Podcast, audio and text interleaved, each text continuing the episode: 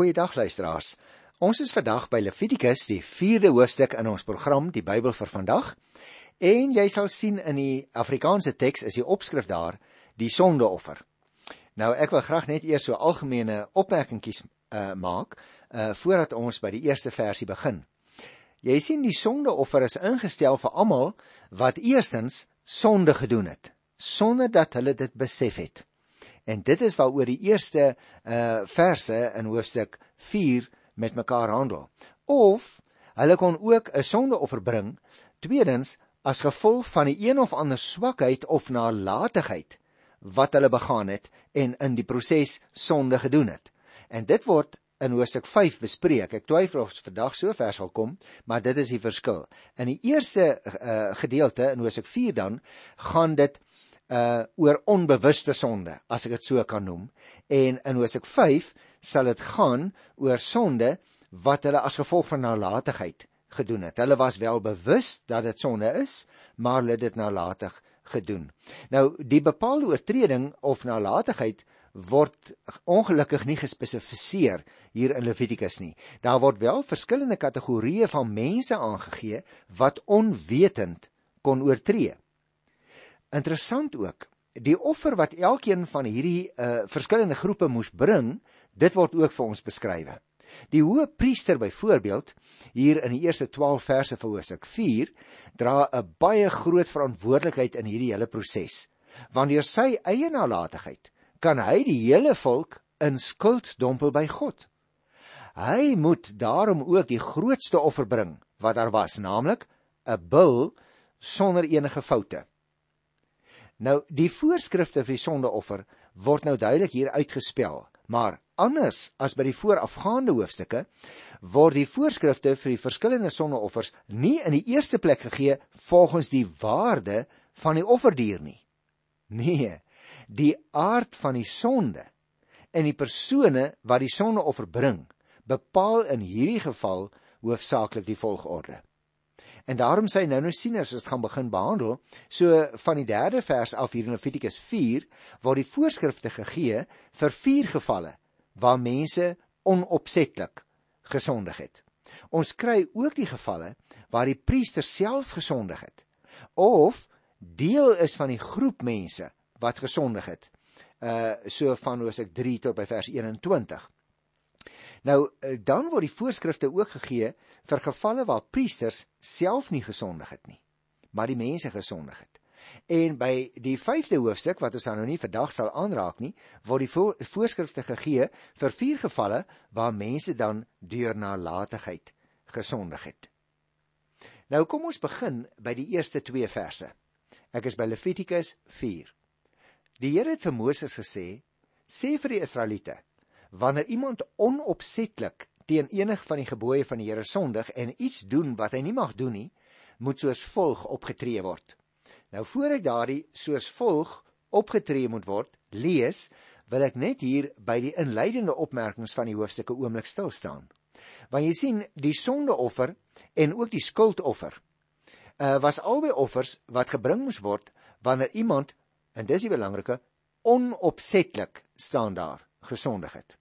Daar is uh, nou natuurlik verskillende moontlikhede van onopsetlike sondes. Iemand kon byvoorbeeld onwetend 'n verkeerde ding doen. Nou as 'n priester of 'n profeet of 'n medegelowige hom daarop sou wys, dit gaan ons net nou in die res van die hoofstuk agterkom, moes hy 'n sondeoffer bring. Iemand kom byvoorbeeld as gevolg van natuurlike oorsake soos kindergeboorte of 'n velsiekte kon so 'n persoon onrein word. En nou val dit ook op in hierdie kategorie van onopsetlike sondes dat dit juis hierdie dinge is wat die persoon nie gesoek het nie. Byvoorbeeld is 'n uh, 'n swangerskap en dan was die persoon daardie spesifieke vrou vir 'n hele uh, lang ruk onrein daarna en sy moes sekere offers bring het. Of wanneer iemand 'n velsiekte opgedoen het, uh, as gevolg van oorsake buite sy eie beheer natuurlik, dan uh, was hy ook onrein. En daarom word hier baie duidelik onderskei tussen onopsetlike sondes. Iemand kon byvoorbeeld ook onopsetlik sondig teen die gebooie van die Here wanneer hy iets wat hy doen gevolge het wat hy nie voorsien het nie. Manslag is byvoorbeeld 'n voorbeeld hiervan. Wanneer iemand sondig deurdat iets hom ontgaan het as gevolg van nalatigheid, het dit ook gegeld as onopsetlike sonde. Ons sal dit teekom in die 5de hoofstuk. Gevalle waar daar geen definitiewe oortreding van God se gebooie was nie, maar waar die moontlikheid bestaan het dat dit wel kon gebeur, is in sekere sin ook as onopsetlike sonde gereken in daardie tyd. Ons sal nou vandag sê, maar nou ja, goed, hy het dan nou uiteindelik nie oortree nie, maar nou ja, in hulle kultuur uh, het hulle hele heeltemal 'n ander persepsie rondom hierdie sake gehad. En daarom moes daar ook voor die priesterwyding 'n sondeoffer gebring word, selfs as hulle geen definitiewe oortreding begaan het nie. Mens sal daarvan lees in Levitikus 8 van die 14de vers af. Met ander woorde, soos ek in 'n vorige program gesê het, dit gaan oor die erkenning van God se heiligheid, maar dit gaan ook oor die dankbaarheid as die Here my bewaar het om selfs 'n onopsetlike sonde te doen, dan kon ek ook aan hom 'n offer gebring het. Wanneer 'n persoon byvoorbeeld deur 'n onopsetlike sonde iemand anders skade aangedoen het, moes 'n skuldoffer gebring word. Maar in alle gevalle wat anders was as die voorgeskrewe, waar sonder opset gesondig word, moes 'n sondeoffer gebring word. Die voorskrifte vir die sondeoffer waar 'n priester onopsetlik gesondig het, word nou eers gegee. Nou kom ek lees dit. Hier staan in Levitikus 4 by die 3de versie. As die gesalfde priester sondig en so die volk skuldig maak. Dis interessant, né? Bied hy vir die sonde wat hy gedoen het 'n bil sonder liggaamsgebrek aan as sondeoffer aan die Here. Nou, dit is dus belangrik luisteraar dat jy en ek sal opmerk, die uitdrukking 'n gesalfde priester verwys waarskynlik na die hoë priester. Veral as jy dit met ander tekste in hoofstuk 6 en hoofstuk 8 gaan vergelyk, dan wil dit hier voorkom asof dit spesifiek slaan op die hoë priester, alhoewel daar ook 'n moontlikheid bestaan dat dit kan verwys na enige Aaronitiese priester en nie net die hoë priester nie. Die priester dan en veral die hoë priester was naamlik 'n middelaar wat die saak van die volk by God moes behartig en omgekeerd ook God se wil aan die volk moes voorhou. Die priester was dus op 'n baie besondere manier in diens van die Here. Ek sou sê hy het op die skanierpunt gestaan tussen die gelowige en God. En juis daarom was sy verantwoordelikheid voor God soveel groter. As die priester nou 'n fout gemaak het, was die volk onvermydelik daarbey betrokke, want die priester was die middelaar tussen die lid van die volk en die Here. Die priester se sonde word nou in 'n sekere sin ook die volk se sonde. Daarom word gesê dat hy die volk skuldig maak. Dit is nou net gelees in die 3de vers. En luisteraar, dit wys juis vir 'n mens hoe 'n geweldige verantwoordelikheid die priester voor God het en ook hoe groot verantwoordelikheid hy gedra het destyds teenoor die volk. En hoewel ons nou nie vandag meer as leraars en pastore daardie rol speel as middelaars tussen mense en God nie want onthou die Hebreërs skrywer sê vir ons baie duidelik daar is net een middelaar tussen God en die mense en dit is Jesus Christus. Het ons as geestelike leiers tog 'n baie belangrike rol om te speel want ons is in 'n sekere sin of ons dit wil weet of nie is ons rolmodelle. En daarom kan deur ons nalatige optrede kan dit veroorsaak dat mense self sondig.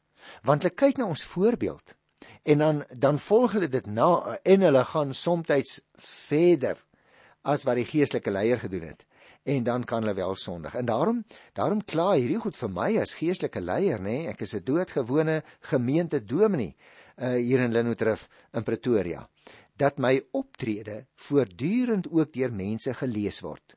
En daarom moet mens tog daarvan bewus wees, nie dat jy jou optrede wil laat bepaal deur mense nie, maar jou optrede moet bepaal word deur jou verhouding met die Here. Maar luister, nou moet jy nie te maklik jou kop op en af knik en sê, "Ag, ah, gelukkig is Deuteronomium 4 in die Bybel, want hier word die geestelike leiers nou aangetree." Maar dit geld mos nou vir jou net so. Jy as 'n lid van die nuwe godsvolk het net so groot verantwoordelikheid om heilig te lewe as jou geestelike leier daar plaaslik in jou omgewing. Maar nou goed. Hierdie groter verantwoordelikheid kom ook na vore in die feit dat die priester, let nou op, 'n bul sonder liggaamsgebrek moes offer, terwyl 'n gesagsdraer byvoorbeeld toegelaat is om 'n bokram te offer. Maar nou blyk dit as hy spesifieke oortreding begaan het, dan moet hy ook net soos die res van die volk 'n doodgewoon 'n sondeoffer bring. Nou let op die 4de vers. Hy bring die bul by die ingang van die tent van ontmoeting, sit sy hand op die bul se kop en slag dit daar in die teenwoordigheid van die Here. Nou moet jy onthou vir die gewone lid van die volk wat het 'n ander reël gegeld. Hy kon maar net uh iets uit sy klein vee gebring het. Gewoonlik as dit 'n vuuroffer was, het ons al 'n vorige keer geleer, dan moes dit 'n ram gewees het, 'n skaapram of 'n bokram. As dit 'n baie arm persoon was, dan kon hy ook 'n duif gebring het. Maar as dit nou in hierdie geval gaan oor die priester, dan moet hy 'n bul aan die Here bring, 'n stuk groot vee juis omdat hy 'n groter verantwoordelikheid het, kom ek sê dit in in Afrikaans so 'n bietjie andersom, omdat hy beter moes geweet het. Daarom moes die priester die bil by die ingang van die voorhof bring. En na die seremonie waardeur die sonde op die bil oorgedra is, moes die priester uh die bil daar by die ingang van die voorhof slag. Nou is dit vir my baie opmerklik dat die diere wat buite die kamp verbrand is, by die ingang, dit wil sê buite die heilige gebied geslag moes word. Terwyl die diere waarvan die plei, vleis na die priesters toe gegaan het in die voorhof aan die noorde kant van die brandofferaltaar gebring moes word. Nou die reël was dat 'n offerdier wat op die heilige gebied binne die voorhof geslag is, hierna nie weer daar uitgeneem kon word nie. Maar luister nou, na die 5de vers en ek gaan sommer deur lees tot by vers 7.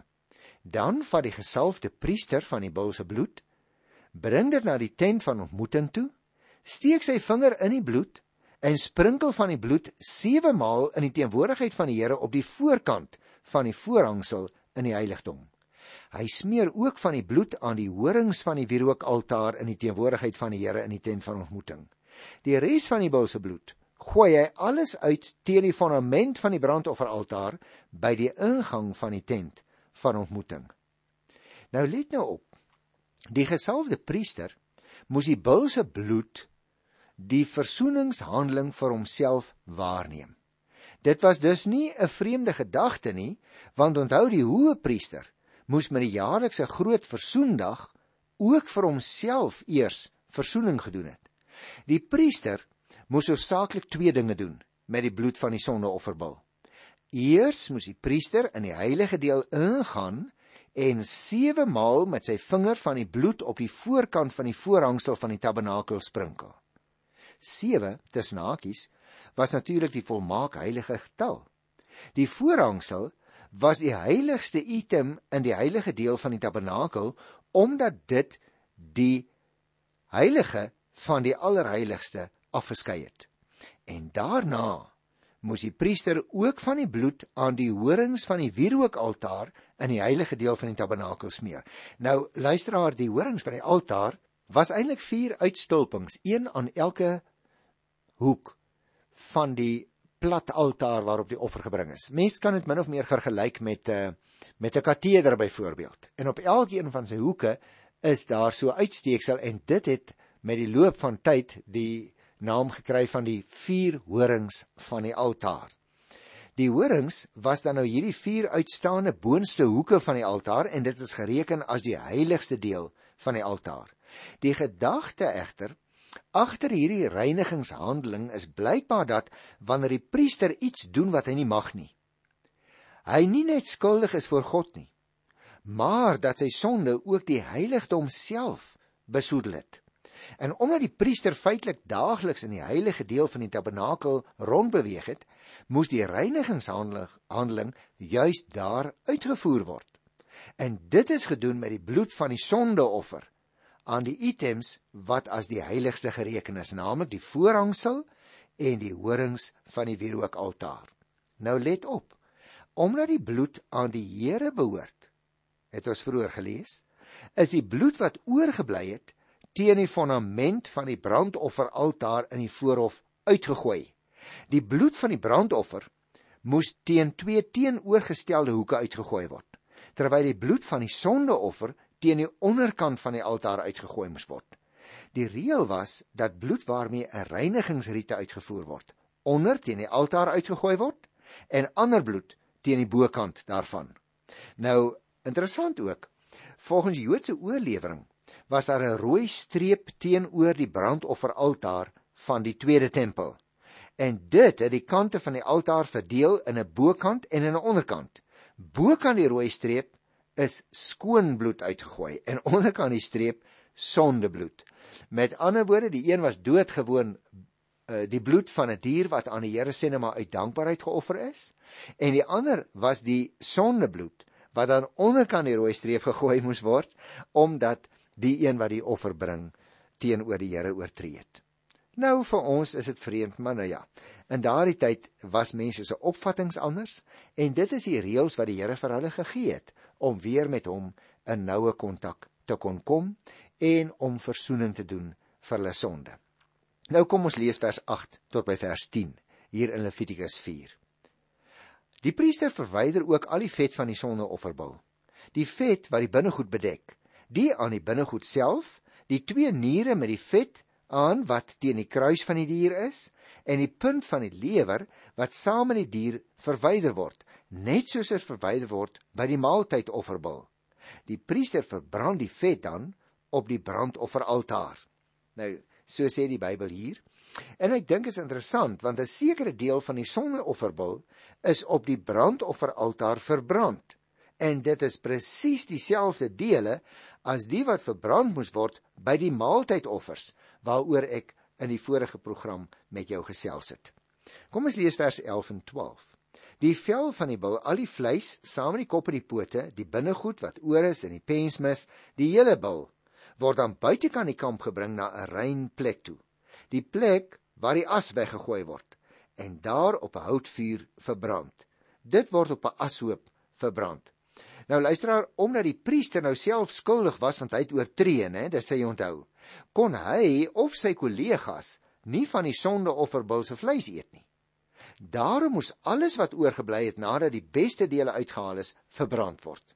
En die plek waar die bul verbrand moes word, word spesifiek aangedui as die plek waar die as weggegooi word.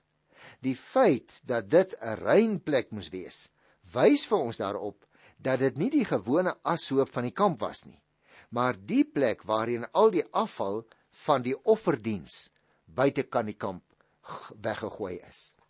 Kom ons lees hier van vers 13 af. En ek gaan nie die hele klompie verse lees nie want hierdie stukkie loop van vers 13 af deur tot by vers 21, maar ek gaan net die eerste gedeelte lees. As die hele volk Israel onopsetlik sondig en 'n misdaad teen die Here begaan sonder dat hulle weet dat hulle gebod van die Here oortree.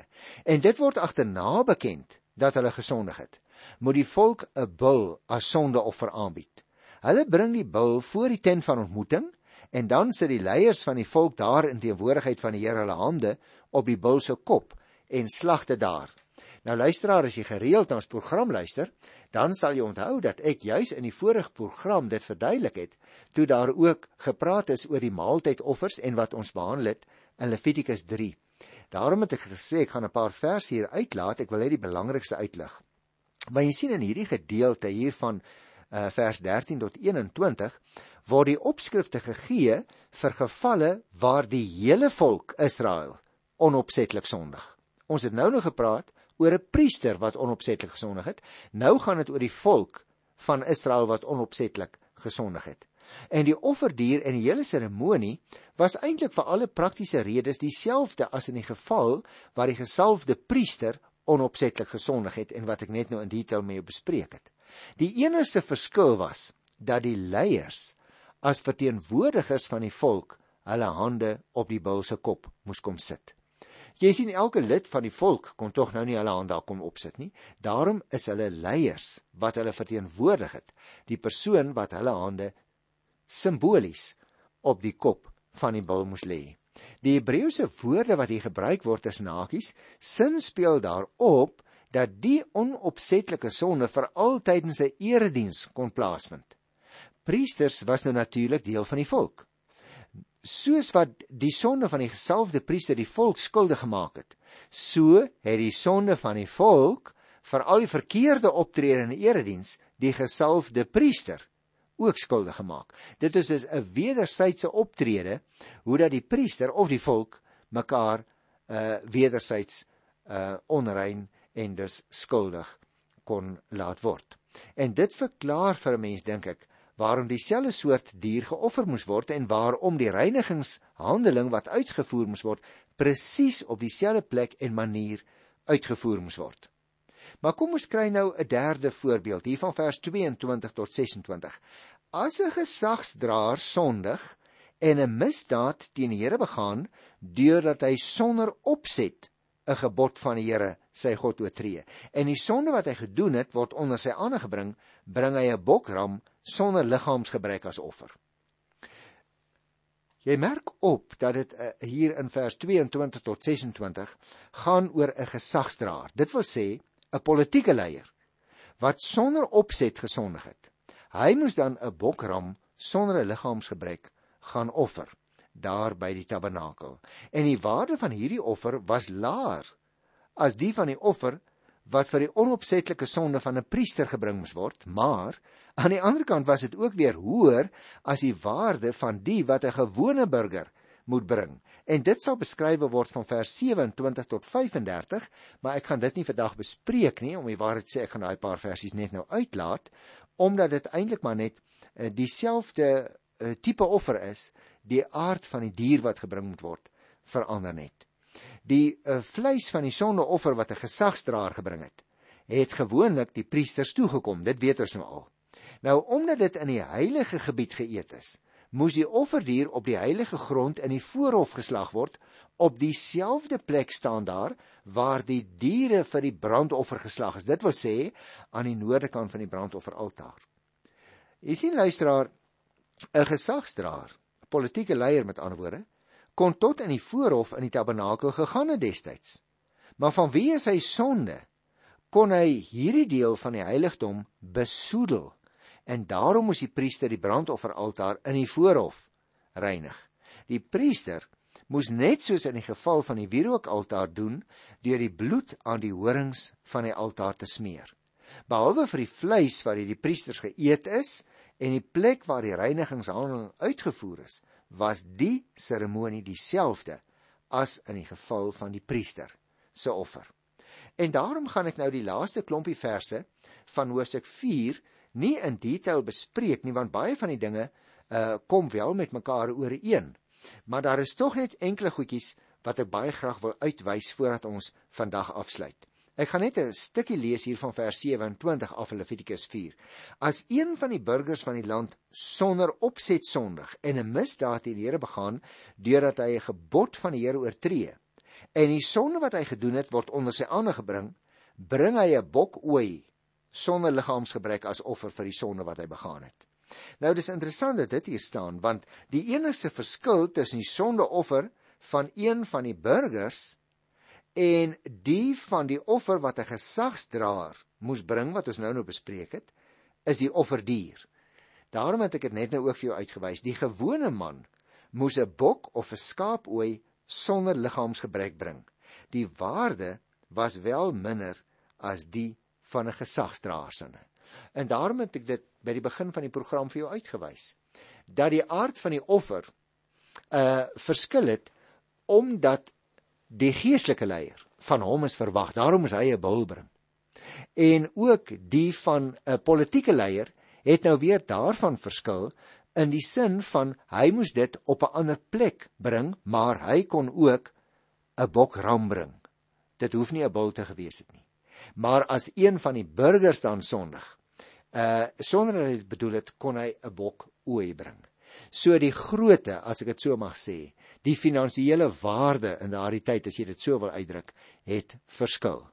Maar die koste, kom ek praat so, die koste, die waarde van daardie offerdier kon verskil omdat die veronderstelling is die priester van daardie tyd moes meer geweet het, daarom moes sy offerdier groter en duurder wees. Die politieke leier wat groter inkomste het, sy offer is kleiner as die van die priester wat beter moes geweet het, maar hy moet 'n groot offer bring want hy kan dit bekostig. En die gewone lid van die volk kon 'n kleiner offer bring, maar in elke keer was die handeling en die aard vir die offer dieselfde.